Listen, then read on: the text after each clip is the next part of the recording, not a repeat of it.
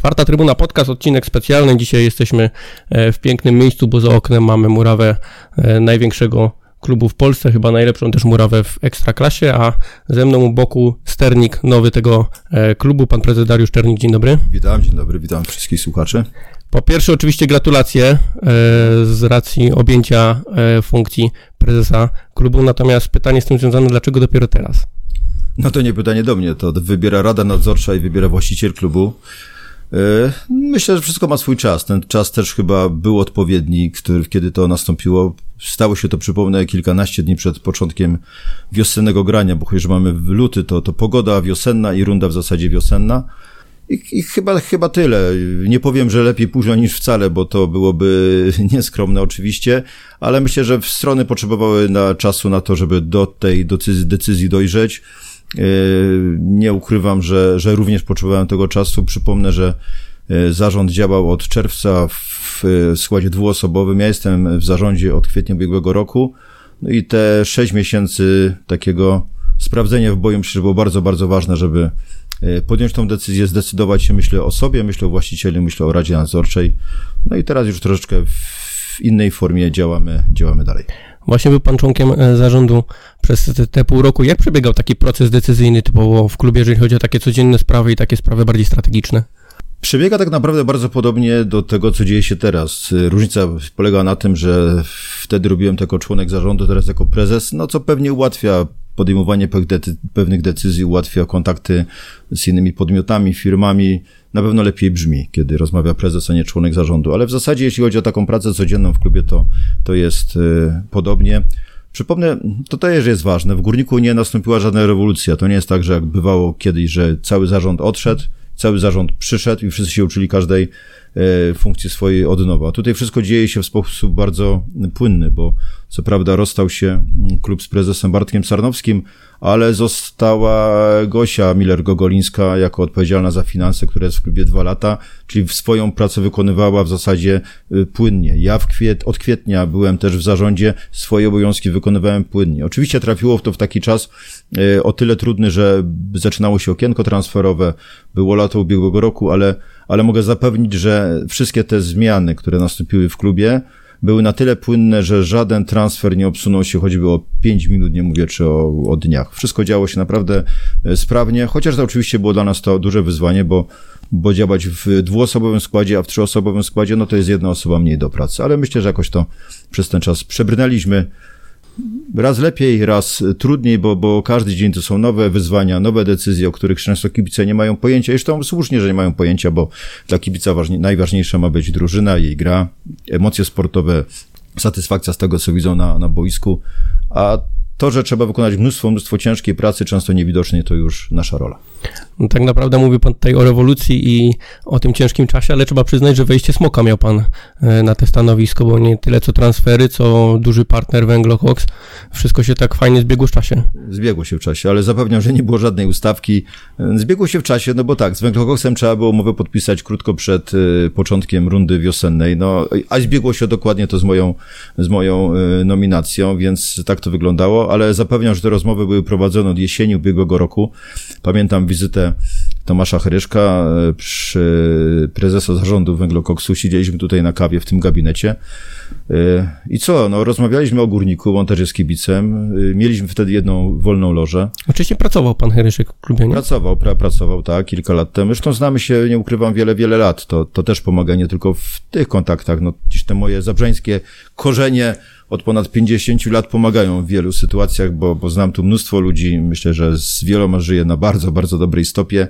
Y, taka dygresja oczywiście to, to jest miłe, sympatyczne, ale to też powoduje ogromną odpowiedzialność, bo, bo ci ludzie wszyscy po nominacji mówili, trzymamy kciuki, teraz, teraz y, idziemy do przodu i ja mam świadomość tego, że, że po prostu nie można dać ciała, mówiąc kolokwialnie, i, i, faktycznie robić wszystko, żeby było jak najlepiej. A wracając y, do pytania, siedzieliśmy tutaj w tym pokoju, zaproponowałem lożę, mówię, weźcie przynajmniej na jeden mecz, zobaczcie jak to wygląda.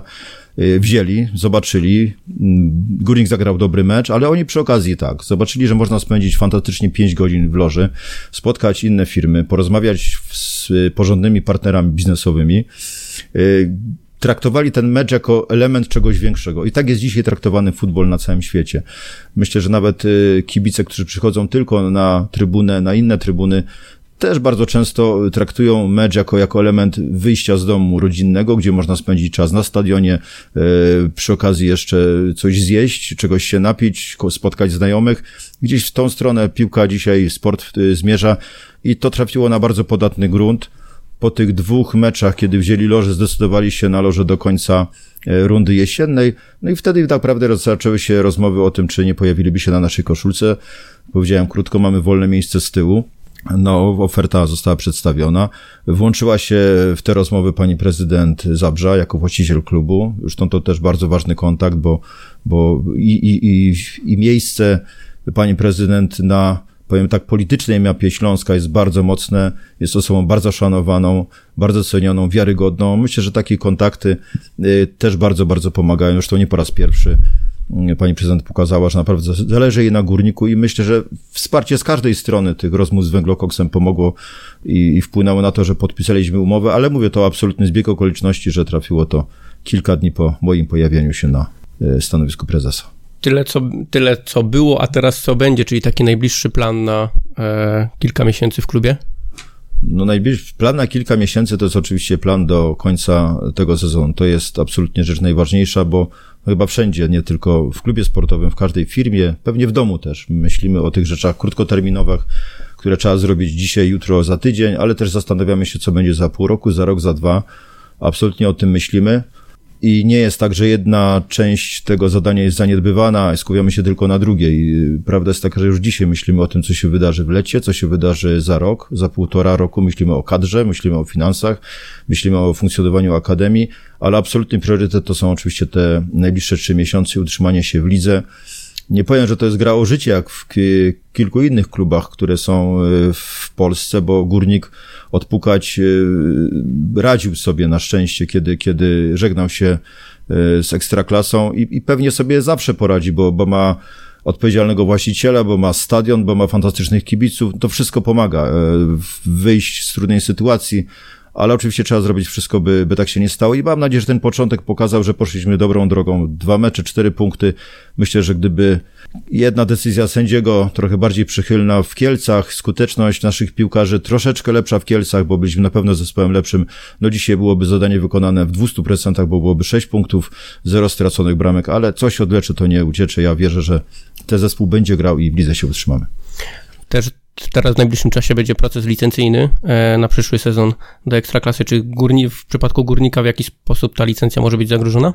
No on trwa cały czas. To, to jest ciężka praca wykonywana przez wiele, wiele osób w klubie, bo byście zobaczyli podręcznik licencyjny, jakie tam muszą być spełnione wymogi, jakie dokumenty przedstawione, to, to niektórzy by się pewnie złapali za głowę. To naprawdę nie jest tylko pierwszy zespół i, i dwa papierki dotyczące e, braku zaległości finansowych nie, jest wszystko ok, mogę zapewnić, że po raz kolejny górnik dostanie licencję w pierwszej kolejności, pewnie dostanie też nagrę w pucharach, czego sobie życzymy, bo przypomnę, że to są zupełnie, zupełnie, to są dwie, dwa odrębne papierki, jest licencja na grę w ekstraklasie, ale, ale jeszcze jest dużo ostrzejsza e, swoimi wymogami licencja na grę w pucharach. E, wiele klubów nawet czołówki ligi, które wydawałoby się, że taką dostaną, nie dostawały tej licencji przez wiele lat.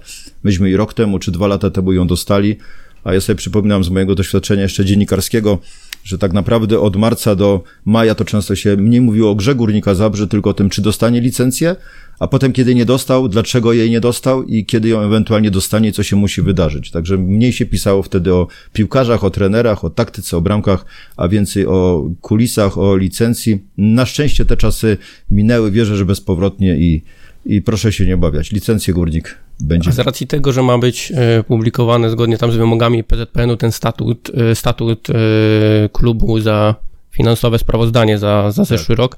Może pan uchylić tylko rąbka tajemnicy, czy tam ten rok zakończył się zyskiem, czy stratą dla klubu? Yy, znaczy, to nawet nie, nie, nie trzeba udzielę rąbka tajemnicy. Ja się tym wręcz pochwalę i w imieniu klubu całego, bo to przecież nie, nie zasługa jednej czy dwóch osób. Górnik drugi rok z rzędu zakończy zyskiem. Nie jest to oczywiście wysoki zysk, ale jest to plus, w ogóle ewenement chyba w skali kraju, bo bardzo mało klubów y, może się pochwalić dodatnim wynikiem finansowym. Górnik za rok 2018 i 2019 ma plus, za 18 plusik był większy, za 19 był mniejszy.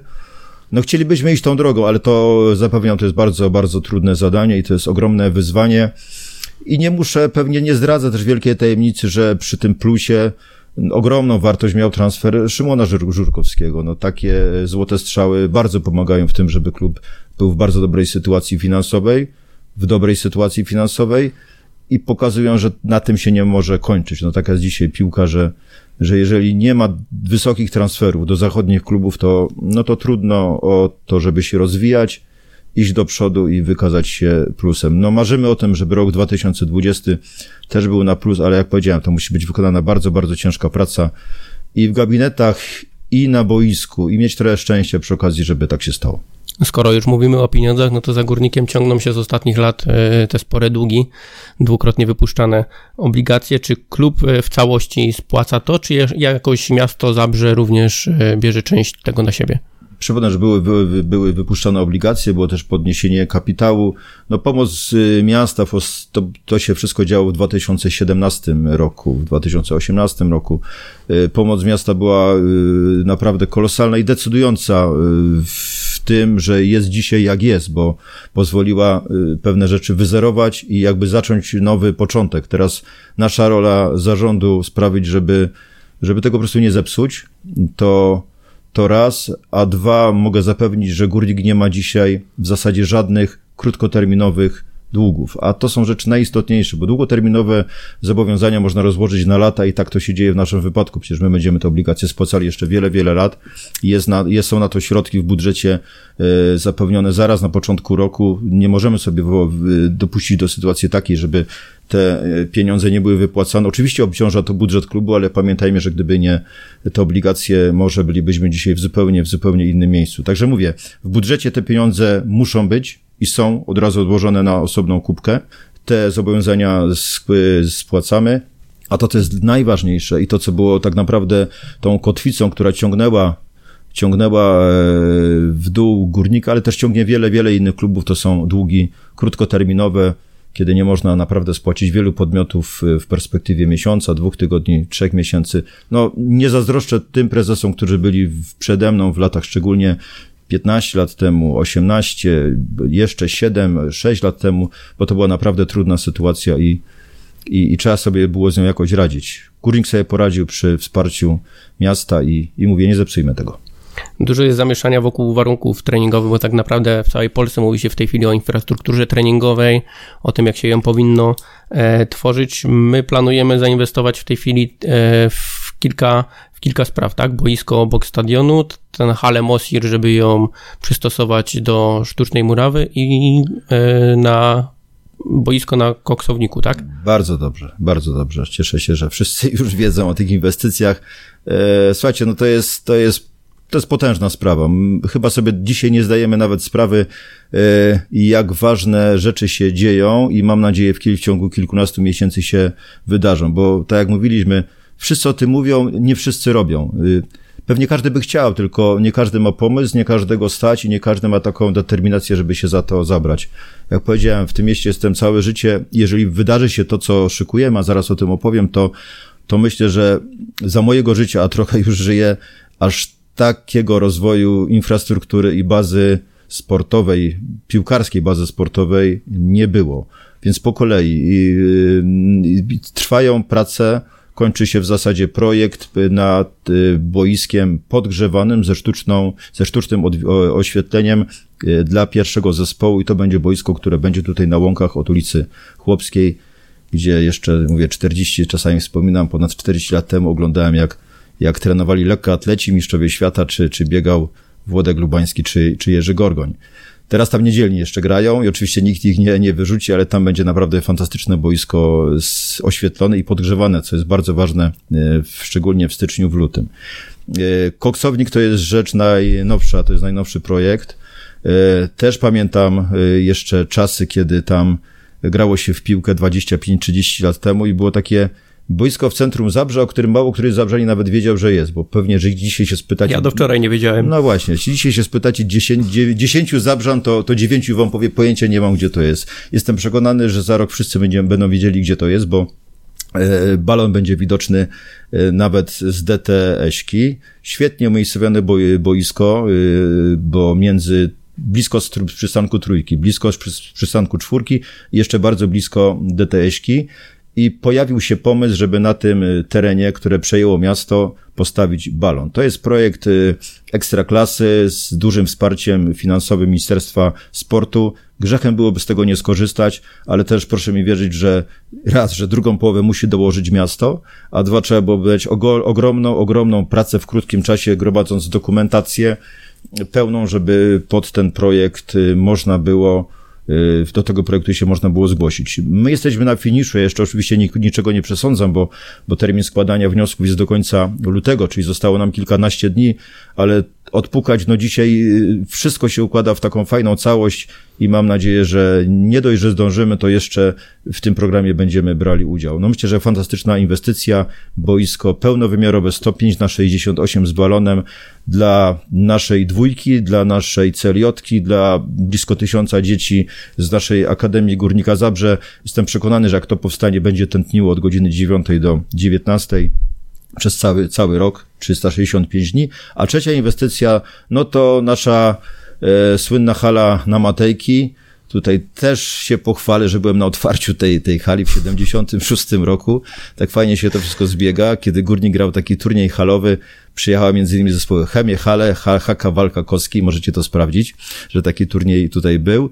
Lata 70. i i po 45 latach, a potem jeszcze byłem na takim turnieju, gdzie Eric Cantona grał, nawet pokazał pewną część ciała, kiedy nie był zadowolony z reakcji kibiców, też niesamowite, niesamowite wrażenia mecza Górmiecze Górnika z Okser, ale dobra, dość tej historii. Y, gdzieś tam wszyscy od kilku lat mówili, że fantastyczne miejsce, żeby tam y, po prostu zainstalować sztuczną murawę.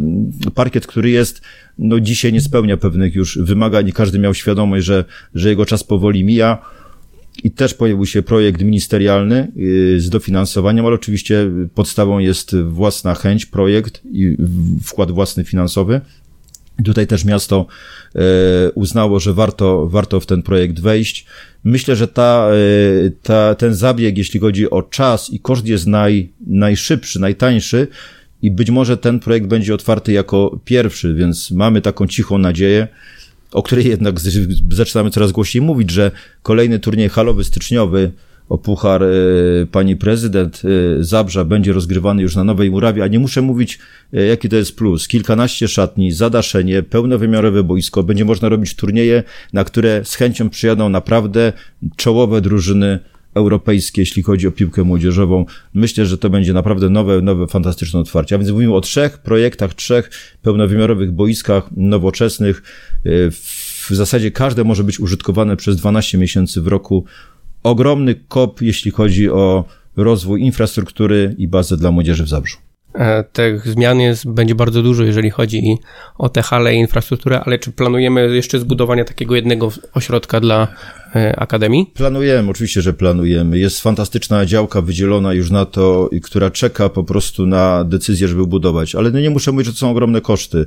już zainwestowanie środków miejskich w te trzy boiska, o których mówimy, to są naprawdę miliony. To nie jest tak, że miasto e, rozgląda się i, i rozkład, rozkłada ręce, czekając, co się wydarzy w zabrzeńskim sporcie. Nie, to jest inwestycja w przyszłość. Oczywiście można ktoś powiedzieć, że te pieniądze można inwestować w Górnika Zabrze, kupić dwóch czy trzech piłkarzy. Pewnie by się dało, oczywiście. Tylko, że ci piłkarze pograją dwa lata, odejdą i będziemy znowu y, stali w miejscu. Uważam, że warto za dzisiaj zakasać rękawy, trochę zacisnąć pasa, ale te pieniądze, o których mówimy, zainwestować w miasto, w naszą młodzież, bo to zostanie tutaj na wiele, wiele lat. A jestem przekonany, że mając taką bazę, co dwa, trzy lata będziemy wypuszczali piłkarza klasy, nie wiem, czy Szymona Żurkowskiego i, i sprzedanego za aż takie pieniądze, ale niech to będzie milion euro, niech to będzie dwa miliony euro w kolejnym sezonie, ale przynajmniej ogromna satysfakcja dla naszych trenerów, dla naszych y, mieszkańców, dla naszych dzieciaków, więc warto. Ale wracając do pytania, jest piękna działka przygotowana mniej więcej pod 6-7 boisk, y, nie zdradzę na razie gdzie, ale już ją oglądałem. Tylko mówię, to jest wydatek rzędu, jeśli chcemy to zrobić dobrze, rzędu 40-50 milionów złotych. Jeżeli mówimy o trzech boiskach, jeżeli jest w planie dokończenie budowy czwartej trybuny, ale już na stadionie, e, to są kolejne miliony, no miasto musi liczyć pieniądze i sobie zdajemy sprawę, że, że wszystkiego nie da się zrobić e, naraz. Tym bardziej zależy nam na tym, żeby powstały te trzy boiska, bo to da pewien komfort pracy przez najbliższe kilka lat. To nie będzie, nie będzie takiej sytuacji, że powiemy naszym dzieciakom z Akademii, słuchajcie, chcielibyśmy was przyjąć na trening, chcemy ją rozbudować, ale w zasadzie nie macie gdzie trenować. Będzie gdzie trenować i będzie czas, żeby tą inwestycję przeprowadzić od początku do końca. Oczywiście też zakładam przy wsparciu dofinansowaniu e, zewnętrznym, czy to z Unii, czy, czy z Ministerstwa Sportu. Te rozmowy cały czas trwają, są prowadzone. E, nie mogę zdradzić wszystkich szczegółów, ale, ale nawet w tym miesiącu jeszcze mam dwa spotkania z osobami, które mogą mieć wpływ na podjęcie takich decyzji. Na razie sądujemy, na razie rozmawiamy, na razie tylko przekonujemy, że w Zabrze warto inwestować, bo tu jest e, wszystko, co, co jest potrzebne do zrobienia wielkiej piłki i kiedyś ten projekt też będzie na pewno zrealizowany. Zresztą innego, innego wyboru nie ma. Przede wszystkim najbardziej utytułowany klub w Polsce, także to jest już e, pierwszy element.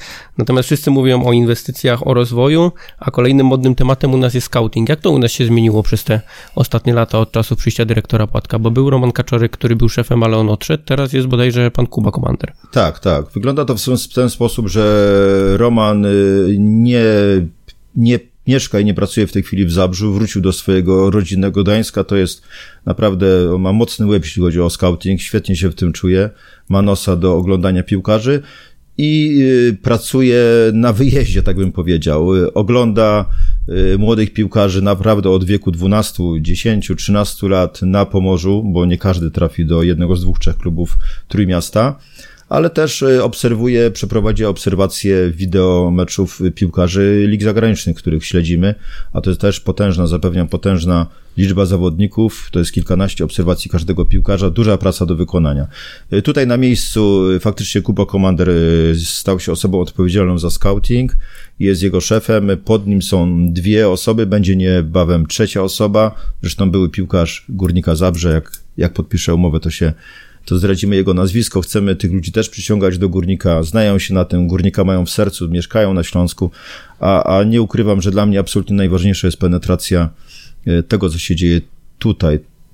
Idea jest taka, żeby zdolni chłopcy zostawali na Górnym Śląsku. Pięknie brzmi, oczywiście nie do końca do zrealizowania, bo już widzimy, mamy trzy nazwiska piłkarzy 16-17-letnich, których bardzo chcemy widzieć w Górniku, Myślę, że oferujemy im dobre, dobre warunki, nie tyle nawet finansowe, bo pewnych klubów nie przebijemy, ale dajemy im szkołę, dajemy im to, że mogą mieszkać blisko swoich rodziców, nie opuszczać swojego, swojego matecznika, swojego hajmatu, jak tu mówimy na, na Śląsku, ale wiem, że pokusy ze strony innych klubów, czasami też menadżerów są, są ogromne i, i wszystkich tych, tych, tych wyścigów nigdy, nigdy nie wygramy, to nie wygra pewnie żaden klub, ale, ale niech z tego 60-70% uda się e, zatrzymać na Śląsku z tych chłopaków, to będzie, to będzie dobrze. A wracając do scoutingu, no ich rola jest taka, że obserwują mecze, jeżdżą na mecze ligowe nie tylko na Śląsku, ale też y, y, postawiliśmy sobie przede wszystkim za cel penetrację Śląska, jak powiedziałem, ale też Opolszczyzny, y, Podbes, Podbeskidzia, i Podkarpacia, bo na Podkarpaciu naprawdę rodzi się mnóstwo fantastycznych talentów. Chcemy też mieć ten, ten teren bardzo dobrze monitorowany i tak się dzieje, bo, bo tych piłkarzy już jest trochę w notesach, niektórzy już do nas trafiają. To są oczywiście dzisiaj dla kibiców anonimowe nazwiska, ale, ale kiedy o nich rozmawiamy, kiedy rozmawiam z trenerami, którzy ich oglądają, no mówią, że tam jest potencjał ogromny i, i też nie każdy wypali, ale niech wypali z dziesięciu trzech, niech jeden się przebił do ekstraklasy, to będziemy z tego bardzo, bardzo zadowoleni. Na Podkarpaciu konkurencję to Górnik będzie miał bardzo dużą, bo tam penet mistrzem penetracji w tej chwili jest chyba Zagłębie Lubin. No Zagłębie Lubin generalnie y, weszło na pewne tory fajnego scoutingu już kilka lat temu, ale zapewniam, że w tym kraju mieszka cały czas chyba około 37-8 milionów ludzi i, i, damy sobie radę. Młodych chłopaków, którzy kopią w piłkę jest więcej niż 150. Niech trafi, jest ich na tyle dużo, że mogą trafić do Zagłębia Lubin, do Lecha Poznań, do Legii Warszawa, do każdego klubu, a Górnik naprawdę jest marką. Kiedy jeździmy do, do tych chłopaków, a, a też jeździmy, czy Artur Płatek, czy Łukasz Milik, czy trenerzy, no ta magia górnika, wierzcie mi, naprawdę cały czas działa i kiedy na szali stoją trzy kluby i, i górnik wcale z nich nie płaci najwięcej, zapewniam Was, że w połowie tych wypadków wygrywamy tę rywalizację historią, tym, co możemy zaoferować, tym, że młody chłopak może tutaj dostać szansę, że może zagrać dla 15 tysięcy ludzi, to cały czas, cały czas działa i chcemy, i chcemy to wykorzystać. Proszę tych skautów tutaj na miejscu i pana Kaczorka, który jest na wyjeździe, jak, jacyś tacy e, do, dorywczo skautów też mamy, współpracujemy, czy? Tak, są jeszcze dwa nazwiska innych skautów, którzy działają w Polsce, są skauci, którzy działają na rynkach zagranicznych, to oczywiście wszystkiego nie można opowiadać, nie mogą padać też nazwiska, ale penetrujemy Czechy, penetrujemy Słowację, penetrujemy y, Słowenię, Serbię, Chorwację dosyć mocno. Mamy swoich ludzi w Hiszpanii, y, którzy obserwują tam czy drugą ligę, czy, czy trzecią ligę, bo, bo pewnie jeżeli ktoś trafi do Górnika czy do Polskiej Ligi, to raczej grając w tych ligach, a nie, a nie w La Lidze. Więc y, to jest naprawdę bardzo dobrze wykonana już robota. Zresztą widzę to siedząc czasami w pokoju ze skautami, ile tam jest protokołów, ile tam jest obserwacji, ile tam jest raportów. To raportowanie jest zresztą bardzo, bardzo ważne. Artur to wprowadził jako element stały i bez którego nie można sobie dzisiaj wyobrazić scoutingu, czyli każdy mecz musi się kończyć raportem napisanym na komputerze. Tych raportów jest potem czasami kilkanaście dotyczących jednego zawodnika.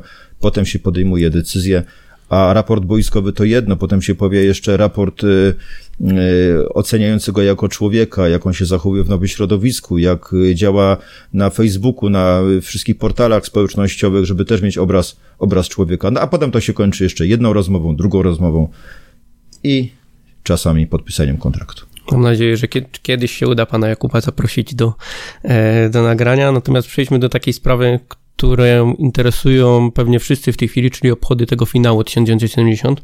E, kilka szczegółów oprócz tego meczu z mieszanymi e, składami, który e, ma być. Co nas jeszcze czeka? No mogę powiedzieć w zasadzie już pełny program. Oczywiście będziemy o szczegółach już takich dokładnie, czyli mówię o cenach biletów i pewnych jeszcze kolejnych niespodziankach informować, ale jakby cały trzon tej imprezy znamy. Może wrócę do, do, jak mamy troszeczkę oczywiście czasu i słuchacze chcą, chcą tego wysłuchać, do korzenia, jak to się urodziło. Bo urodziło się to tak naprawdę w grudniu 2018 roku, kiedy był bankiet po, po obchodach 70-lecia Górnika Zabrze. Tam wtedy przyjechało mnóstwo piłkarzy, chyba było ich około setki, którzy grali od lat 60., niektórzy jeszcze w latach 50., spotkały się całe pokolenia piłkarzy. I każdy mówi, słuchaj, no zróbmy to jeszcze raz, spotkajmy się, bo jesteśmy coraz starsi, będzie coraz mniej okazji. Oczywiście fajną okazją zawsze jest grudzień, kiedy jest rocznica klubu, ale to też zwykle okrągła, bo w grudniu przed świętami nie każdy przyjedzie.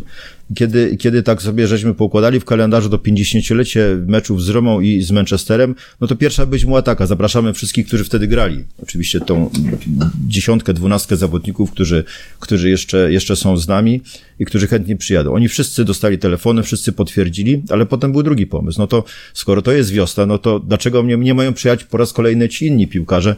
Też ich zaprośmy, żeby też nas odwiedzili i będzie szansa spotkać się raz jeszcze przy fajnej okazji był pomysł, żeby spotkać się przy kolejnej okazji, ale też wyjść na boisko, no bo to jest końcówka, końcówka marca. Oczywiście myśmy grali z Romą czy z Manchesterem w kwietniu, ale wtedy liga szaleje. Są ostatnie kolejki. Myślę, że każdy klub będzie wtedy skupiony totalnie na, na walce o utrzymanie, o puchary i nie będzie czasu na świętowanie. Ale 28 marca jest przerwa na kadrę jest sobota. Mam nadzieję, że będzie ładna pogoda. No i był pomysł zaproszenia naprawdę mnóstwo, mnóstwo piłkarzy, którzy, którzy przewinęli się przez górnika. Do tej pory zdradzę wykonaliśmy chyba 70 telefonów. E, mam naprawdę zaszczyt wszystkich tych ludzi znać osobiście. Wielu to są moi serdeczni koledzy, a nawet przyjaciele. Do tej pory nikt nie odmówił i oczywiście zadajemy dwa pytania. Czy przyjedziesz tak? Czy jeszcze jesteś w stanie zagrać w piłkę? No tutaj nie zawsze jest odpowiedź tak, bo część już ma problemy zdrowotne, ale nazbieraliśmy, mam nadzieję, około, około 45-50 piłkarzy. Więc powiem, jak to będzie wyglądało. Spotkamy się y, prawdopodobnie o godzinie 16. Proszę sobie już teraz w kajecie ten i w kalendarzach tę datę zapisać. Powiedzieć to swoim dzieciom, rodzinom, dzieciakom, bo chciałbym, żeby to był dziadek, ojciec i, i wnuk z każdego pokolenia kibiców Górnika Zabrze, bo każdy dostanie coś coś dla siebie. I przez dwie godziny e, będziemy rozgrywali turniej oldboyów. Chcemy podzielić e, e, zespół górnika na trzy drużyny, w każdej będzie około 20 zawodników, ale to nie będzie mecz drużyny z lat 80., na przykład z zespołem z lat 2000. Chcemy do, doprowadzić do takiej sytuacji, żeby w każdej drużynie składy były mniej więcej wyrównane. A więc wyobraźcie sobie taki skład, że w bramce jest na przykład Józef Wandzik, w ataku jest na przykład Jan Urban z Igorem Angulo, bo akurat chcemy, żeby Igor zagrał jeszcze w tym, w tym meczu, w takim meczu i nie tylko on, ale kilku piłkarzy pierwszej drużyny, a w drugiej linii jest powiedzmy, strzelam Jesus Jimenez, Kompała i na przykład Waldemar Matysik. Tak będziemy to dzielili. Zrobię, jeżeli będziemy mieli gotową listę piłkarzy, to te drużyny y, podzielimy. Każda będzie miała swojego trenera. Będą grali w koszulkach białych, niebieskich i czerwonych. No i zobaczymy, kto ten turniej wygra, choć to jest oczywiście zabawa. Ta zabawa potrwa dwie godziny. E, oczywiście piłkarze z tego pokolenia złotego, czyli finaliści będą do dyspozycji dla naszych kibiców, będą rozdawali autografy, będą dla nich specjalnie przygotowane e, krzesła, stoliki. Będzie można zebrać naprawdę niesamowitą kolekcję autografów w zasadzie wszystkich żyjących e, piłkarzy Górnika Zabrze, chociaż wiem, że już Stefan Floreński jest schorowany, nie przyjedzie. Pozdrawiamy go serdecznie, czy Wilczek. Pozostali wszyscy będą. I to potrwa z dwie godziny, potem będziemy świętować właśnie tych naszych bohaterów z 70 roku, od Włodka Lubańskiego przez Jurka Gorgonia, e, Zyga Szołtysika też wszyscy potwierdzili swój przyjazd wtedy do Zabrza. A finałem tego y, wieczoru, bo to będzie chyba 5 albo 5,5 godziny z Górnikiem Zabrze, więc też sobie trzeba zarezerwować cały wieczór, będzie mecz y, Górnika Zabrze do lat 23, tak żeśmy to nazwali, z Borusią Dortmund do lat 23. Yy, powiem tak, w zamyśle było oczywiście sprowadzenie Manchesteru City i te rozmowy naprawdę były dosyć mocno zaawansowane. Miała przyjechać drużyna Manchesteru City do lat 19, była nawet wstępna zgoda już Manchesteru, ale dostaliśmy niestety dwa tygodnie temu informację, przepraszającą, że o ile y, uczestnicy finału, y, kilku piłkarzy, którzy grali wtedy z Górnikiem, y, być może pojawią się w Zabrzu, przyjęte zostało zaproszenie, to niestety terminy grania ich lig juniorskich są tak napięte, że nie są w stanie do Zabrza przyjechać. Z Dortmundem mamy dobre relacje oczywiście przez Artura Płatka. Działo się to bardzo szybko, aż jest to wielki klub, który ma w Zabrzu, na Śląsku mnóstwo kibiców. Sam wiele razy byłem na meczach Borussii, gdzie spotkałem starych przyjaciół z Zabrza, którzy wyjechali z miasta y, lat temu 25, 30 i dzisiaj w sercu mają tak naprawdę często dwa kluby, Borussię i, i Górnika, bo to są naprawdę setki ludzi. Mam nadzieję, że wielu z nich zresztą przyjedzie y, wtedy do Zabrza. No i czeka nas fajny mecz do lat 23, a więc to jest spotkanie, w którym u nas będzie mógł zagrać y, Jacek Wiśniewski, Dawid Kopacz, kilku innych zawodników i chcemy, żeby ta drużyna faktycznie tak wyglądała, a ci starsi piłkarze powyżej tego wieku właśnie trafią, zostaną e, e, przekwalifikowani na old boyów i zagrają w tym spotkaniu, które będzie, w tym turnieju, który będzie rozgrywany wcześniej. Czyli jak powiedziałem, Jesus Jimenez, e, Igor Angulo, Szymon Matuszek, Mateusz Matras, a więc ci piłkarze nieco starsi zagrają z kolegami z lat 60., 70., będą tam nosić piłki i wieszać siatki i nosić torby, a nasza młodzież do lat 23 naprawdę bardzo liczna zagra już z Bursją Dortmund. A jaka jest siła tej drużyny w wieku, w, ty, w tych rocznikach, nie muszę mówić, o ile pamiętam przedwczoraj w meczu z PSG, chyba w pewnym momencie było trzech dziewiętnastolatków. Ja nie wiem, czy oni wszyscy oczywiście przyjadą do, do Zabrze, bo to jest pierwszy zespół, ale mamy taką niepisaną obietnicę, że przynajmniej dwóch, trzech zawodników, którzy pojawiają się też regularnie w Bundeslidze, powinno się tego dnia w Zabrzu pojawić, a więc 16 mecz y, Górnika z Borussią od 19 do 21. No rezerwujcie sobie takie 5,5-6 godzin, bo będzie można nie dość, że spędzić fantastycznie czas, zobaczyć wszystkie pokolenia piłkarzy na Górniku, pozbierać autografy, kupić okolicznościowe koszulki. No szykuje się fajna zabawa. Ja mam od razu pytanie, czy transmisja z tego materiału wideo, z tego turnieju będzie gdzieś wydany na DVD, bo takie mecze, w których zagra Iwandzik i e, Matysik na przykład, to będzie można oglądać właściwie co tydzień. No oczywiście, nie odpuścimy sobie tej okazji. Też chcemy, też chcemy, żeby to przeszło do historii i żeby to w naszej historii zostało, bo, bo, bo sam mam świadomość, czasami, ostatnio z Jadkiem Urbanem wspominałem taki mecz z Szumierkami Bytom, kiedy strzelił bramkę z przewrotką gdzieś tak z narożnika, teraz oglądamy boisko z narożnika pola karnego, to było gdzieś 21 metrów samo okienko i mu mówię mu, Janek, ty to pamiętasz, ja to pamiętam i te czyty albo pięć tysięcy ludzi, którzy byli wtedy na stadionie, ale kto więcej? Mówi, no w zasadzie nikt, bo już nie ma, nie ma zapisu, e, nie ma zapisu tego na wideo. Odwiedziłem kiedyś telewizję Katowice, chciałem, przeszukałem archiwa telewizji Katowice, czy są te bramki Kilka znalazłem fantastycznych takich bramek z historii, materiałów, kiedy może, kiedyś, kiedyś się może tym pochwalimy. To już bardziej z myślą może o Muzeum Sportu Zabrzeńskiego i Górniku, ale, ale tych wielkich spotkań nie ma, zostały w naszej pamięci. Teraz będzie, myślę, okazja, żeby to zobaczyć. Akurat Janek Kurman też potwierdził przyjazd. Co prawda, wierząc w niego serdecznie, nie, nie bardzo wierzę, że strzeli bramkę przewrotką z 21 metrów, ale, ale dajmy mu szansę, na, na boisko na pewno wyjdzie.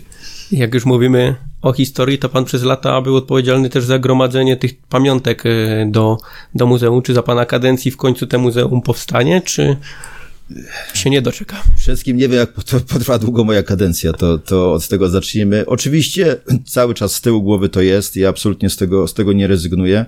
E, pracę dziennikarską tak naprawdę ponad 4 lata temu, nie, nie niebawem będą 4 lata, porzuciłem porzuciłem, może ze słowa porzuciłem, y, zrezygnowałem z niej właśnie z myślą przede wszystkim o tym, by to wszystko zostawić, utrwalić i jeżeli powstało w Zabrzu Muzeum Górnika i Zebrzeńskiego Sportu, bo, bo to naprawdę nie tylko górnik, to piłkarska walka, to piłkarska Sparta, to piłkarze ręczni Pogoni Zabrze, to pięściarze walki Makoszowy, fantastyczni sportowcy, lekkoatleci. Chciałem, żeby to przetrwało i zapewniam, że, że tych y, wkładów, wkładu do tego muzeum jest już bardzo, bardzo dużo a myślę, że powinno być jeszcze więcej i będzie jeszcze więcej. Z tyłu głowy to jest, nawet mamy pomieszczenie na stadionie dzisiaj przygotowane pod, pod muzeum, ale to też się wiąże z, z raz, że z kosztami, dwa, y, z pewną strategią miasta. I tak cichutko sobie myślimy wszyscy, że, że może kiedy, kiedy powstanie czwarta trybuna, to elementem tej, tej całej układanki, która by ją pięknie zamknęło, było, było, to, było to muzeum. Na pewno nie, nie śpimy, nie zrezygnowaliśmy z tego. Zbieramy materiały, pojawią się naprawdę perełki, rozmawiamy z ludźmi i, i mamy zapewnienia, że kto co ma do tego muzeum przekaże, a, a kto był na wystawie, choćby z okazji 70-lecia Górnika, no myślę, że był pozytywnie zaskoczony, bo, bo tych rzeczy mamy naprawdę już bardzo, bardzo dużo. Zresztą niebawem będzie e, kolejna wystawa, już serdecznie na nią zapraszam. Może nie taka duża, ale właśnie pod kątem 50-lecia, zresztą otwieramy ją tego samego dnia, 28 marca. Wszyscy święci, od Włodka Lubańskiego, jak mówiłem, po, po Staszka Osizłę będą tego dnia, więc chcemy ich na to otwarcie zaprosić. E, jeżeli już też mówimy o, o Pana funkcji, to tak naprawdę na czym e, chciałby się Pan skupić, to znaczy gdzie Pan widzi największe rezerwy? Gdzie trzeba byłoby coś jeszcze poprawić, jeżeli chodzi o Górnika? Czy Górnik to jest, wydaje mi się, znaczy jestem nawet przekonany, jak będąc tu w klubie od środka, to jest naprawdę dobrze naoliwiona maszyna, e, jadąca jak na swoje możliwości w, po drodze równo i bezpiecznie. To jest bardzo ważne, bo były lata, kiedy, kiedy tak nie było z różnych względów. Dzisiaj tak jest. Więc nie chcielibyśmy oczywiście tego kierunku absolutnie zmieniać, ale na pewno chcielibyśmy troszeczkę y, przyspieszyć. To tak o, ogólnie mówiąc. Słuchajcie, Górnik to jest, to jest też dla mnie ważne. To jest klub, w którym dzisiaj pracują ludzie z Zabrza. W zasadzie nie pamiętam takiej sytuacji, a, a jestem blisko tego klubu ponad 30 lat, żeby tyle osób związanych pracujących z górni, w górniku od e, zarządu przez dział sportowy, przez dział scoutingu, przez zwykłych pracowników, e, mówię zwykłych, ale, ale bezcennych, bo to są fantastyczni ludzie oddani klubowi, byli związani nie tylko swoim życiem, ale często od pokoleń z górnikiem. To jest piękny kapitał, ale to jest też ogromna odpowiedzialność. To chcemy wykorzystać, tego na pewno nie będziemy zmieniać. To, co jest, to, to nad czym pracujemy, to na pewno to, o czym mówiliśmy. Akademia, rozbudowa boisk, bo to są rzeczy niezwykle istotne, bo mające wpływ na, e, na rozwój górnika w perspektywie nie roku, dwóch, ale, ale kilku lat. Pracujemy już tutaj, główna rola w tym Artura, już myślimy o tym, jak będzie wyglądał górnik sportowo latem e, tego roku, bo na pewno jakie zmiany będą, no nie oszukujmy się, z pewnością kilku piłkarzy odejdzie, kilku kończą się kontrakty. Myślę, że będzie jeden czy dwa transfery gotówkowe, bo, bo o naszych piłkarzy pytają, jak będzie dobra wiosna. Myślę, że będzie można naprawdę uzyskać za nich znaczące środki finansowe nie ucieknie od tego dzisiaj żaden klub, nie tylko w Polsce, więc trzeba o tym głośno, przepraszam, Trzeba o tym głośno mówić. Y, I to są te, to są te rzeczy, rzeczy podstawowe. No i oczywiście musimy pilnować finansów. To jest bardzo ważne, żeby była ta stabilizacja. Żaden klub nie może żyć ponad stan. Górnik wiele lat wcześniej, jeszcze kiedy jeszcze mówię o tych zamierzchłych czasach, naprawdę żył ponad stan i, i odbijało się to czkawką bardzo, bardzo długo. Gdyby nie te decyzje sprzed 3-4 lat właściciela klubu, czyli, czyli miasta, myślę, że dzisiaj borykalibyśmy się z takimi problemami, jakie ma kilka innych klubów również na Śląsku, utytułowanych, no, które są w miejscu jakiego nikomu nie życzymy. Jako prezesa mogę też pana zapytać, Liga 16 czy 18 zespołowa? E, na pewno nie Liga 16-zespołowa, z której spadają trzy drużyny. To, co się dzieje w tym roku, to jest e, horror, to nie ma nic wspólnego ze sportową rywalizacją. Trochę mi to przypomina taki, taki pojedynek gladiatorów, gdzie tak naprawdę chodzi tylko że o to, żeby ktoś zginął, a nie na tym piłka ma polegać. Jeżeli mają spadać trzy zespoły, a wiem, że taka jest idea, e, taka jest idea i Zbigniewa Bońka, zarządu, ale, ale też takie były ustalenia, e, które zapadły na spotkaniu e, ekstraklasy ponad rok temu, to tylko i wyłącznie w układzie, kiedy, kiedy gra w niej 18 zespołów. Jeżeli miałoby być 16 drużyn, to tylko w wypadku, gdyby spadały dwie, ewentualnie spadała jedna i jedna grała, grała w barażach. Myślę, że to jest do przedyskutowania, ale wszystko idzie w stronę z Ligi 18-drużynowej. Ona ma oczywiście swoje minusy, no, tak jak mówiłem, w tej chwili każdy mecz jest o ogromną stawkę, ale czy to się przekłada na poziom spotkań? No, widzieliśmy nawet w ostatniej kolejce, że nie, trzy mecze chyba 0-0, sam obejrzałem chyba z pięć spotkań w tej kolejce przy trzech y, ustołem albo byłem bliski, y, to naprawdę nie jest recepta. Ja bym wolał mieć zespołów 18 i kiedy stanę przed dylematem, czy, czy sprowadzić y, doświadczonego obcokrajowca, żeby zdobywać punkty, bo grozi nam spadek i naprawdę przez to wpadnięcie w problemy finansowe, czy postawić na dziewiętnastolatka gór, z Górnika Zabrze, który wiem, że popełni kilka błędów, który zawali nam kilka spotkań, może kilka przegramy, może przez niego stracimy sześć czy siedem bramek, ale w perspektywie to jest chłopak, który, który będzie grał, y, który da nam satysfakcję, który sprawi, że mieszkańcy Zabrze będą się z nim utożsamiać, a potem w perspektywie może go y, transferujemy za duże pieniądze, to naprawdę wybieram ten, ten drugi wariant, na który dzisiaj mało który klub sobie może pozwolić i też w takiej sytuacji stoimy. Myślę, że gdyby było dzisiaj 18 zespołów, a Górnik byłby 12, 11, skład y, Górnika w rundzie wiosennej naprawdę byłby nieco inny i już stawialibyśmy na kilku młodych chłopaków. Dzisiaj ryzyko jest tak duże, że jednak każdy stara się przynajmniej do minimum ograniczyć. Właśnie juniorzy, stawianie na młodzież. Zgodzi się Pan trochę z tym określeniem, że ten wymóg młodzieżowca, który postawiono e, już jakiś czas temu, trochę powoduje, że górnik na tym ucierpiał, bo tak naprawdę myśmy byli chyba takim pierwszym klubem, który tak mocno postawił na tą młodzież. E, a później teraz okazuje się, że koszty sprowadzenia takiego młodego zawodnika, jego opłacenia po prostu niebotycznie wzrósł w stosunku do tego, co było. To prawda, to prawda. E, znaczy, dla nas oczywiście po kolei. Uważam, że nic nie powinno się gry dziać na siłę. Jeżeli ktoś jest zdolny, to powinien grać. E, samo wprowadzenie przymusu grania młodzieżowca oceniam bar, może nie, nie bardzo sceptycznie, ale, ale myślę, że bym się na to nie zdecydował, bo na tej zasadzie możemy powiedzieć za rok, no to niech gra dwóch młodzieżowców, to będziemy jeszcze szerzej wprowadzać do, do polskiej piłki młodych zawodników. Akurat nie o to chodzi. Piłkarz ma się obronić swoimi umiejętnościami i tak było w Górniku, kiedy grał Maciek Ambroziewicz, Szymon Żurkowski swego czasu. Oni po prostu się bronili umiejętnościami, a nie tym, że musieli, musieli grać. Zgodzę się, że ceny wzrosły, bo piłkarzy wieku lat 19-18 gotowych do gry w ekstraklasie, co byśmy o niej nie mówili, jest naprawdę niewielu. I sami widzimy, kiedy rozmawiamy z fajnymi 17-latkami, którzy już wiemy, że z, z, mają taką skalę talentu, że za rok naprawdę mogliby grać w ekstraklasie, to nie dość, że kwoty odstępnego są bardzo, bardzo wysokie, to jeszcze warunki stawiane przez menadżerów, a dotyczące ich kontraktu, czy ich ewentualnego odejścia z klubu są wręcz nie do pogodzenia dla każdego klubu, który chce, żeby jego finanse i sytuacja była po prostu zdrowa. To się dzieje, takie rozmowy, nie zdradzę oczywiście nazwisk, ale nawet w tamtym tygodniu mieliśmy dwie o bardzo, bardzo zdolnych chłopakach, no, którzy na tych zasadach po prostu do górnika nigdy nie trafią, bo tak działać się nie powinno.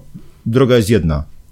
Przede wszystkim szkolić, wychowywać, sprowadzać 14-15-latków, jeżeli już ze Śląska i takich piłkarzy też mamy. Przypomnę y, choćby Daniel Ściślak, Przemek Wiśniewski, który u nas zaczynał, syn Jacka. Mówiłem o Ściślaku, y, kapitalny chłopak, y, jakim jest Rostkowski, nie dostał jeszcze szansy, ale myślę, że ten moment nadejdzie. Zdrowu Rybnik. Zdrowu tak. Rybnik, świetny chłopak. I mógłbym naprawdę wymienić jeszcze kilka nazwisk, a, a połowy pewnie kibice jeszcze nie znają. Ci chłopcy są, tylko mówię, trzeba im dać szansę i trzeba im dać szansę też popełnienia błędu, a dzisiaj w lidze liga gra takim systemem, że, że tego czasu i tych szans po prostu nie ma. No, biorąc pod uwagę wyniki Centralnej Ligi Juniorów i tej Centralnej Ligi Juniorów do lat 17, to ten materiał jest naprawdę ogromny. Tak, znaczy oczywiście y, jestem ostatni, który powie, że najważniejsze jest miejsce, która, który, które zajmuje zespół młodzieżowy w lidze, bo bo może być drużyna, która zajmie dziesiąte miejsce, a gra w niej taka perełka, którą strzelam za trzy lata sprzedamy za 8 milionów euro, na przykład. Może tak być, a może być zespół, który będzie mistrzem albo wicemistrzem Polski i ma 11 przeciętnych piłkarzy, którzy tworzą świetną drużynę, ale tak naprawdę za dwa lata nie będzie nikt znał żadnego nazwiska z tej drużyny. Takich przypadków mieliśmy bardzo, bardzo wiele. Chociaż przypomnę, że ostatni rocznik Górnika, który zrobił wynik, E, okazało się, że tam było kilku zdolnych chłopców, bo to były Adaś Wolniewicz, to był Rafał Kurzawa, e, to był wchodzący do zespołu wolsztyński, to był Dawid Kudła. Pięciu, sześciu piłkarzy zaistniało w lidze. To się zdarza bardzo, bardzo rzadko. I teraz mamy roczniki, z którymi wiążemy duże nadzieje. Pięciu, sześciu piłkarzy w ekstraklasie mówię, to się praktycznie nie zdarza i, i, i, chciałbym, żeby tak było, ale, ale nie bardzo wierzę w, takie, w taką sytuację, żeby się powtórzyła, ale jak z każdego rocznika dwóch piłkarzy zadebiutuje w Ekstraklasie, to będzie wynik fantastyczny i tego sobie życzmy. A piłkarzom kibicujmy. Dla wielu z nich to będzie pierwszy, ostatni sukces. Każdemu życzymy oczywiście medali Mistrzostw Polski. To też y, sprawia, że, że górnik jest inaczej postrzegany, nawet wśród młodzieży ich rodziców. Oni widzą, że do górnika warto iść, bo w górniku piłkarz się rozwija. To też działa. A współpraca z Gwarkiem na tym e, polu, bo Gwarek też ma drużyny swoje, zarówno w tej starszej celiotce, jak i młodszej, a tam perełki też się trafiają, a wcześniej też przecież trafiali do Górnika. W tej chwili przy Dominik Skiba w rezerwach on jest e, z Gwarka. Hajdzik przecież wcześniej też grał Oczywiście Adrian Grzyszkiewicz, Szymon Żurkowski, to długo można wymieniać. No, pierwsi, którzy grali, trafiali do, z Gwarka, to przypomnę oczywiście nie bezpośrednio do Górnika, na przykład Michał Probierz czy, czy Mietek Agafon. No, tych nazwisk było bardzo, bardzo dużo, ale to już odległa historia. E, współpracujemy z Gwarkiem, mamy bardzo dobre relacje. Ja nie ukrywam, że to już to mówiłem i będę powtarzał. E, mówimy o tym głośno. Związaliśmy się z Januszem Kowalskim, postacią w Gwarku, niezwykle ważną, e, człowiek, instytucja, który 30 lat odpowiada za szkolenie młodzieży koncepcyjnie, ale jest też trenerem, jest wychowawcą, wykłada na WF-ie. No postać absolutnie dla mnie wybitna w Polsce, jeśli chodzi o szkolenie młodzieży. Postawiłem go absolutnie w pierwszej trójce takich ludzi często sprowadzamy do, do Akademii Holendrów, Niemców, Belgów, Francuzów. Nie mam nic przeciwko temu. Tam, tam tą lekcję odrobiono dużo wcześniej. Ci ludzie się naprawdę świetnie na tym znają i, i mamy, mamy wolny rynek pracy. Jesteśmy w Unii Europejskiej. Każdy może pracować gdzie chce, ale jeżeli jest taki człowiek, który mieszka od stadionu 4 kilometry i całe życie był związany w Zabrzu, to Zabrzem, to, to naszego miasta nie stać na to, aby, aby z niego rezygnować, aby nie wykorzystać jego potencjału. Rozmawialiśmy o tym wielokrotnie. Wiem, że były przymiarki do tego wiele razy. No akurat tutaj też znamy się czy z Arturem Płatkiem, czy, czy z innymi ludźmi, z Januszem wiele, wiele lat, bo, bo to są znajomości, które sięgają 20-25 lat.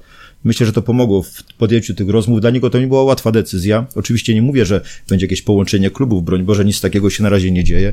Jan, Janusz ma swoją pracę w Gwarku, z której y, też nie rezygnuje, ale już włączył się koncepcyjnie y, w, w pracę naszej akademii i, i zaczyna to działać. Uwierzcie mi, że z tego nie zrezygnujemy, z tego pomysłu i on, i on przyniesie bardzo fajne efekty i owoce, bo, bo, jest, bo to się musi udać. Do końca sezonu tak naprawdę zostało zaledwie e, trzy, no niecałe cztery miesiące. Jak spojrzymy na to, to przygotowujemy się już jakoś na to okienko, bo tak w mojej opinii, jeżeli miałbym się skupić, to wydaje mi się, że trochę linia defensywy nam się rozsypie, no bo tak dla Pawła Bochniewicza będziemy musieli odzyskać jakieś pieniądze, no bo sprowadziliśmy go tu za, gotówka zostanie mu rok kontraktu po, e, po tym sezonie. Później przypuszczam, że Eryk Janża ma też swoje ambicje, będzie jednak chciał spróbować gdzieś wyżej, zwłaszcza, że przyszedł i wkomponował się tutaj naprawdę bardzo dobrze. E, czy my mamy już jakiś plan alternatywny na to, czy no, szykujemy się jakoś na, na te odejścia? E, na pewno nie czekamy założonymi rękami. Zgodzę się, że takie tematy mogą się pojawić i, i, i się pewnie pojawią a przecież mamy jeszcze drugą linię, gdzie akurat piłkarzy, którzy mają ważne kontrakty jest trochę więcej. Mamy temat Igora, od którego nie możemy też przecież uciec, któremu się kończy w czerwcu kontrakt. Oczywiście, że o tym myślimy. Powiem więcej. Jest taka, jest taka tablica w pokoju Artura, na której narysował sobie skład górnika na rundę jesienną sezonu 2021. Nawet sobie zrobiłem zdjęcie tej tablicy po to, żeby ją zweryfikować.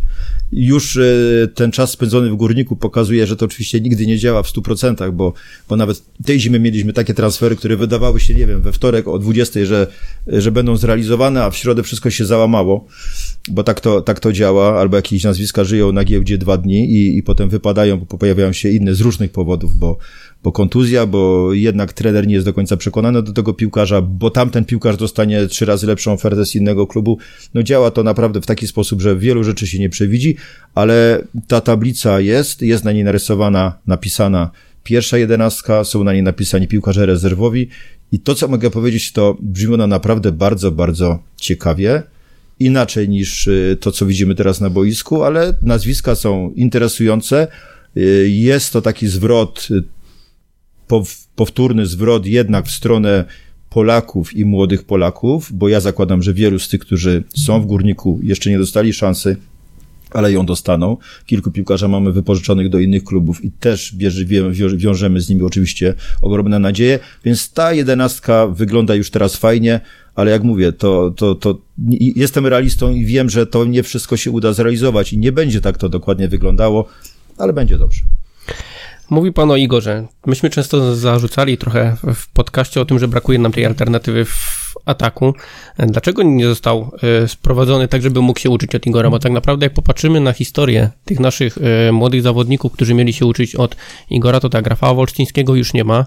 Kiki doznał kolejnej ciężkiej kontuzji, to nie życzę mu tego, ale przypuszczam, że to może być koniec. E, no był Lasik, którego też nie ma. Tak naprawdę mm, kto ma korzystać na tym w tej chwili doświadczeniu Igora? To jest problem i to, to oczywiście to jest problem i nie jest to łatwe zadanie. Słuchajcie, trudno też jest sprowadzić piłkarza do górnika, który wiemy, że byłby, nie wiem, przez dwa lata dublerem Igora i powiedzieć mu, słuchaj, jesteś zdolny, ale w zasadzie tylko kontuzja Igora spowoduje, że będziesz grał. Bo Igor ma taką pozycję, że doskonale wiem, że gdyby nie jakiś uraz też odpukać, bo to jest piłkarz jak ze stali, chyba tylko Robert Lewandowski ma takie zdrowie wśród europejskich napastników jak, jak Igor, który po prostu gra i tego, i tego mu życzymy. E, ta młodzież, o której mówiliśmy, faktycznie były z nią wiązane pewne nadzieje, z różnych powodów nie wyszło, często z powodu kontuzji. Gdybym miał dzisiaj wskazać e, napastnika, to na pewno nie skreśliłbym Krawczyka. My go może jeszcze nie znamy. To jest piłkarz, który do nas trafił z czwartej ligi, nie najmłodszy, bo nie ma 20 lat, ma 24 ale sam fakt, że strzelił sześć bramek w ostatnim sparingu, pomijając jaki to był sparing, e, pokazuje, że ma smykałkę. To jest naprawdę chłopak, który jest wysoko ceniony w szatni kiedy się rozmawia z piłkarzami, a to jest, a to jest taki papierek lakmusowy jakości piłkarza, bo jak rozmawiam z zawodnikami tymi starszymi i pytam ich, e, tu zdradzę trochę rąka tajemnicy właśnie szatni, o tych e, piłkarzy sprowadzonych e, nawet latem ubiegłego roku, gdzie widzicie potencjał, z kim się fajnie gra na treningu, kto uważacie, że, że prędzej czy później szansę dostanie i wykorzysta, to nazwisko Krawczyka padało naprawdę bardzo, bardzo często. I też mam nadzieję, że, że dostanie wiosną szansę. Inaczej, miał wejść na boisko nie wiem, czy wiecie, Ostatnio. w meczu z Arką Gdynia. Tak, dokładnie było 0-0 i, i idea była taka, że Krawczyk pojawi się na boisku, zmieni jednego z środkowych pomocników. W tym wypadku powiem tak, na szczęście padły bramki i tej zmiany nie trzeba było robić, ale to pokazuje, że jest coraz bliżej pierwszej jedenastki i swoją szansę dostanie. Obserwujemy oczywiście innych napastników. Był nawet pomysł sprowadzenia jednego z nich, z młodych zawodników, ale obcokrajowca do górnika, żeby się uczył przez pół roku, ale kiedy, y, kiedy przemyśleliśmy to na spokojnie i, i pomyśleliśmy, że będzie faktycznie pół roku siedział na ławce i grał tylko ewentualnie w rezerwach, może wchodził na 5-10 minut, uznaliśmy, że nie, poczekamy, poczekamy do lata, dajemy sobie czas, żeby to był naprawdę transfer pewny, sprawdzony, o ile w ogóle coś takiego jest w Polsce możliwe, bo sprawdzony czasami transfer nie jest za 5-10 milionów euro, a, a co dopiero, kiedy mówimy o piłkarzach sprowadzanych za niższe kwoty, ewentualnie wolnych zawodników, to też musimy mieć świadomość, że wielkie gwiazdy do nas nie trafiają, ale są takie złote strzały, jak właśnie z Igorem i, i dlaczego ma się to y, kolejny raz nie zdarzyć. A czy to prawda, że z tych wszystkich zawodników, którym kończy się kontrakt, tylko Igor dostał propozycję przedłużenia, żaden inny zawodnik, nie? E, w tej chwili tak. W tej chwili tak. Piłkarze też to wiedzą, rozmawialiśmy z nimi, mają się skupić na graniu, mają pokazać, że, że są z Górnikiem na dobre i na złe. Zresztą jesteśmy przekonani, że są, bo widzimy to, jak grają, widzimy, jak się zachowują w szatni, jak reagują po meczach, przed meczami, jak, jaką świetną tworzą drużynę, ale, ale chcemy, chcemy po prostu poczekać. E, kilku z nich cały czas widzimy w koncepcji zespołu na nowy sezon. Tak jak już kiedyś powiedziałem, na pewno nie wszyscy oni w Górniku zostaną, ale też na pewno nie wszyscy, nie wszyscy odejdą. Zobaczymy, jak ułoży się rynek. Mamy na razie końcówkę lutego, mnóstwo, mnóstwo ważnego grania przed nami. Każdy jest w stanie e, przekonać nas, udowodnić, potwierdzić, czasami potwierdzić, że powinien w górniku jeszcze, jeszcze być i przynajmniej roczny kontrakt dostać. A zgodnie z tym raportem UEFA, który ostatnio został opublikowany dotyczący stanu lig, e, gdzie kluby ekstraklasy podobno 74% swojego budżetu płacą na, wydają na wynagrodzenia dla piłkarzy, Górnik jest ponad tą średnią, czy mniej? No Górnik dwa lata temu mógł się pochwalić, e, pochwalić, bo to był powód do dumy, jedno z najniższych e, średnich, jeśli chodzi o, o pensje dla zawodników, ale przypomnę, to był ten sezon po awansie, kiedy grało mnóstwo młodych chłopaków, młodych Polaków, jeszcze mm, nieznanych na rynku y, piłkarskim w Polsce. Dzisiaj oczywiście te kwoty wzrosły. Nie będę, nie będę mówił, że tak nie jest, bo, bo płacimy na pensję wyżej, ale to jest na pewno poniżej tej średniej. Poniżej tej średniej, co zresztą pokazują wszystkie zestawienia y, przygotowywane przez Ekstraklasę. Cały czas jesteśmy gdzieś tam w drugiej, y, w drugiej ósemce, gdybyśmy całą ligę oceniali tej, tej, tej statystyki, a są kluby, które płacą ponad 100% swojego budżetu na pensje zawodników i uposażenia. Zresztą Górnik chyba 7 lat temu, czy 8 zdaje się, był na poziomie 115%. Coś takiego było, no i też wiem, jak to się, jak to się skończyło. No, za, no, ta, za te czasy pana Adama. Te czasy oczywiście, te czasy oczywiście nie wrócą, no tego musimy pilnować ale, ale rynek jest y, trudny. Rynek jest trudny, wymagania menadżerów, piłkarzy są naprawdę duże, jeśli mówimy o piłkarzach z nazwiskami. Nie chcemy pewnych y, granic kontraktowych przekraczać, bo, bo nie tędy droga. Słuchajcie, można podpisać każdy papier. Na rok, na dwa, na pięć, zawsze możemy powiedzieć, będą po nas inni, oni się tym martwią, ale no nie o to chodzi. Ja mówię, ja, ja jestem z Zabrza i w tym Zabrzu, z tego miasta nie zamierzam opuszczać, chcę chodzić na mecze jeszcze bardzo wiele lat, pewnie nie, nawet po tym, jak nie będę prezesem, bo to tylko funkcja, którą się ma na pewien czas. Więc chciałbym, żeby, żeby to było poukładane na lata i żeby każdy, kto, kto się za to bierze, robił to bardzo odpowiedzialnie. Ostatnie pytanie mam do pana Boris Sekulicz. E, fajnie, że udało się na nim zarobić naprawdę fajny interes. Oczywiście kwota jest tajemnicą, ale myślę, że takie pytanie mogę zadać więcej czy mniej niż 400 tysięcy euro, które krążyło dziś w mediach. Nie, no nie mogę powiedzieć. Naprawdę dobra kwota. Słuchajcie, to, to nie był łatwy transfer, bo ja bym bardzo chciał, żeby, żeby utrzym, utrzymać na rundę wiosenną skład, który grał jesienią, wzmocniony oczywiście Irką i Prochaską. Yy, i taki był zamysł, ale też zdawaliśmy sobie sprawę dziś od miesiąca, że Chicago Fire chodzi za Borysem yy, i przedstawiało kolejne oferty. Te oferty, pierwsza była odrzucona, druga była odrzucona, trzecia była odrzucona i w zasadzie przystaliśmy dopiero na czwartą ofertę, która uznaliśmy jest naprawdę już na poziomie bardzo, bardzo zadowalającym, jeśli chodzi o, o Igora, jeśli chodzi o klub. Miejmy też świadomość, że Igor, yy, przepraszam, Igor, że Borys dostał yy, propozycję kontraktu no chyba nie zdradza tajemnic, jak powiem, dwa czy trzykrotnie wyższego niż w Górniku Zabrze. No, możecie sobie mniej więcej wyobrazić, o jakich kwotach mówimy. To są naprawdę wielkie pieniądze. I tak jak mówię, jestem lokalnym patriotą i kocham, kocham Zabrze, ale gdybym był Borysem Sekuliczem, miał do wyboru grać za trzy razy większe pieniądze w Chicago przez dwa lata, czy być jeszcze w Górniku przez trzy miesiące, to on się żegnał z nami naprawdę w fantastyczny sposób. Powiedział, że przeżył tu najlepszy rok swojej kariery i chyba mówił to szczerze, bo, bo była taka łezka w oku, ale są, są propozycje, kiedy się nie odmawia i są sytuacje, kiedy się po prostu mówi piłkarzowi, ok, zrobiłeś swoje, fajnie, że byłeś z nami, ale, ale idź, próbuj dalej. Y, mamy świadomość, że to jest jakiś problem dla trenera, y, bo, bo, bo tak, Darek Pawłowski w lidze nieograny. Y, Arnarsson zagrał rok temu jeden mecz z Wisłą Kraków, siadł na ławkę, Borys zajął to miejsce na, na, cały, na, cały, na cały rok. Ale ta dwójka jest. Na stole są też nazwiska piłkarzy, bo tak powiedzieliśmy uczciwie trenerowi, jeżeli uzna, że kogoś potrzebuje, to ma po prostu wskazać tego zawodnika, którego widzi na tej pozycji i Górnik naprawdę nie będzie tutaj e, liczył każdego tysiąca euro kontraktu, żeby, żeby tego transferu nie przeprowadzić. Jest to priorytet i jeżeli trener uzna z dyrektorem sportowym, że znaleźli tego jednego, który ma górnika wzmocnić, to na pewno ten transfer do końca lutego przeprowadzimy. Jeżeli będzie decyzja, że gramy tym, co mamy, też ją oczywiście szanujemy i będziemy stawiali na piłkarzy, na piłkarzy, którzy są. I też mam takie ciche przekonanie, że sobie by poradzili w dobrze funkcjonującej maszynie, jak się wymienia jedno ogniwo, powinna działać cały czas, a wierzę, że górnik taką w tej rundzie jest i taką będzie. Jeszcze tylko ostatnie króciutkie pytanie, y, czy jest możliwość, jak Igor odejdzie już e, z zespołu, o ile w ogóle odejdzie, czy jego wizerunek może e, zostać zawieszony w Galerii Sław przy stadionie? No oczywiście myślimy o tym od dłuższego czasu. Wymyśliłem sobie tą Galerię Sław tak naprawdę trzy lata temu, cztery lata temu, kiedy przyszedłem do Górnika i idea była taka, żeby, żeby zawisły na, w niej oczywiście piłkarze, którzy jakby skończyli już kariery, bo karierę, dlatego nie braliśmy Igora pod uwagę te półtora roku temu. E, a był już wtedy głos, że tak naprawdę zasłużył na, na to miejsce. Mm, ja absolutnie uważam, że zasłużył bo dzięki niemu mamy awans, dzięki niemu graliśmy w pucharach, dwa razy był królem strzelców, no powtórzył wyniki naprawdę tych najwybitniejszych napastników Górnika w trudniejszych czasach, kiedy, kiedy Górnik nie ma siedmiu reprezentantów Polski, piłkarzy europejskiego formatu, wielki, wielki szacunek.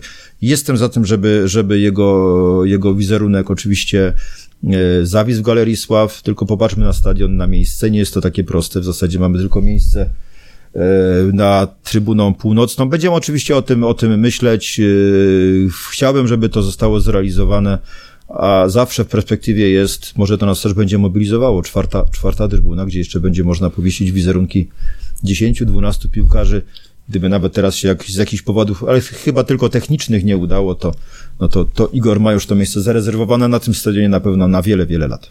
Dobrze, widzę, że piłkarze już za oknem powoli wychodzą na trening, będą trenować, także my w sumie możemy zakończyć. Ja chciałem panu bardzo podziękować za to, że e, zgodził się pan na ten e, wywiad, no i liczymy, że e, pana cała kadencja będzie taka jak jej początek, czyli takim wejściem smoka.